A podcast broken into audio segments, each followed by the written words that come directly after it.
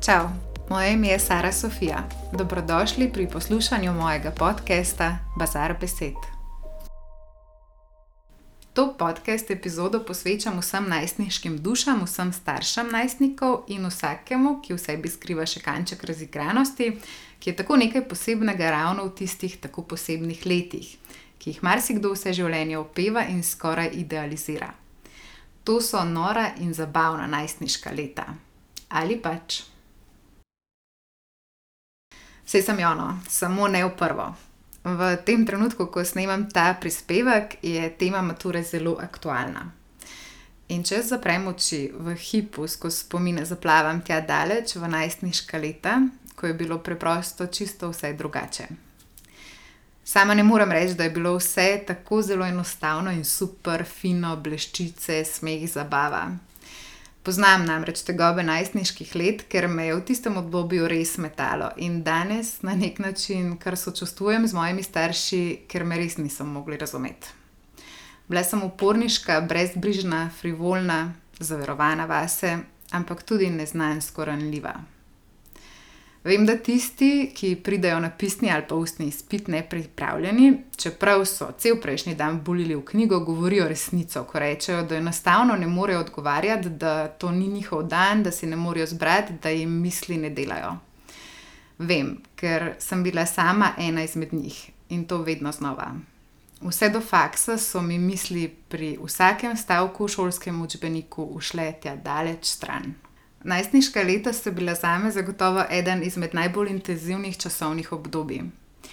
Verjamem, da tega na ven v tistem trenutku niti ni bilo mogoče razbrati, ampak v meni je bruhal vulkan in srečevala sem se z vedno novimi in norimi mislimi, čustvi, veliko je bilo jeze, veliko žalosti, veliko elana, ustvarjalnega neboja, nepopustljivih in hravih hipnih odločitev, ki so pa na to prinašale tudi nove in nove izzive. Ok, spet sem malo zašla, ampak ja, zakaj nisem naredila mature? Ker sem bila zaljubljena. In tukaj nisem niti malo ironična, ampak sama sebi. Torej, stari v preteklosti namenjam veliko mero sočutnosti. Prestati mladosti od vsakega posameznika namreč zahteva res veliko mero poguma, in naj ne bo nagrada za tiste, ki uspešno prestanejo to, da niso več mladi. Mladost in zaljubljenost sta si v veliko točkah zelo podobni. Mogoče tudi zato nekateri kasneje iščejo mladost v zaljubljenosti, ampak je seveda nikoli več ne najdejo. Ta unikaten hormonski koktejl je tisto, kar ponuja to edinstveno izkušnjo življenja. Najstniki in mladi nasploh so pogosto predmet javnih razprav v oziru, kaj bodo postali ali pa kaj so postali v primerjavi z mladostniki, ki danes to več niso. Menim, da ne moremo pričakovati, da bodo postali vse v superlativih, če jim ne dopustimo, da v polnosti uživajo svojo sedanjost in so zmotljivi, zaletavi, jezni, čutni in skratka drugačni v vsej svoji naravi. Ne smemo jih tudi poriniti ob stran, rekoč, da so še premalo zreli, da oni še nič ne vejo. Z zaupanjem v njihove zmožnosti jim dopuščamo številne možnosti za izboljšavo in konec koncev za oblikovanje skupne dobre prihodnosti. Ob njihovih napakah se skupaj z njimi raje zabavajmo. Mladost ima toliko lepot, ki jih mogoče kasneje res pogrešamo.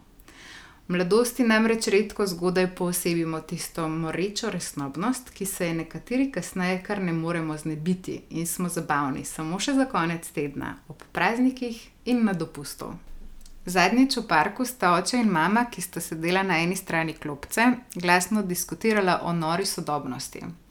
V tej nori sodobnosti so mladi, torej novi upi prihodnosti, itak tako zelo nenavadni in po njunem mnenju, v primerjavi z njuno generacijo v enakih letih, popolnoma nesposobni. Pa tudi neiznajdljivi, neperspektivni, sta rekla. Govorila sta o sinu in njegovi generaciji, sinu, ki je medtem sedel na drugi strani klopce. On, pa že vnaprej poražen, brez priložnosti za zagovor, je takrat z nogo brcal v pesek na tleh. Na koncu unete debate sta ga samo še zdolgočaseno vprašala, če se je danes že uspel kaj učiti, in on je tiho prikimal. Stavim, da je imel v mislih le svoje ljubezensko življenje, ali pa je v njegovi glavi se vrtela neka skrb, nek dvom o lastni identiteti, Spraševal se je, če bo lahko, če zmore, če bo ljubljen, sprejet in svoboden, Za reševanje matematičnih nalog in sveta si bo pa vzel čas nekoliko kasneje. Zato, dragi starši najstniških duš, objemite svoje najstnike, pogovarjajte se z njimi o ljubezni, o sreči, smislu življenja, o njihovih ustvarjalnih projektih in skritih željah.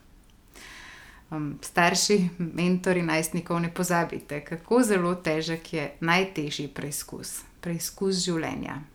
Drage najstniške duše, vam pa srečno. Prepričana sem, da vam bo uspelo.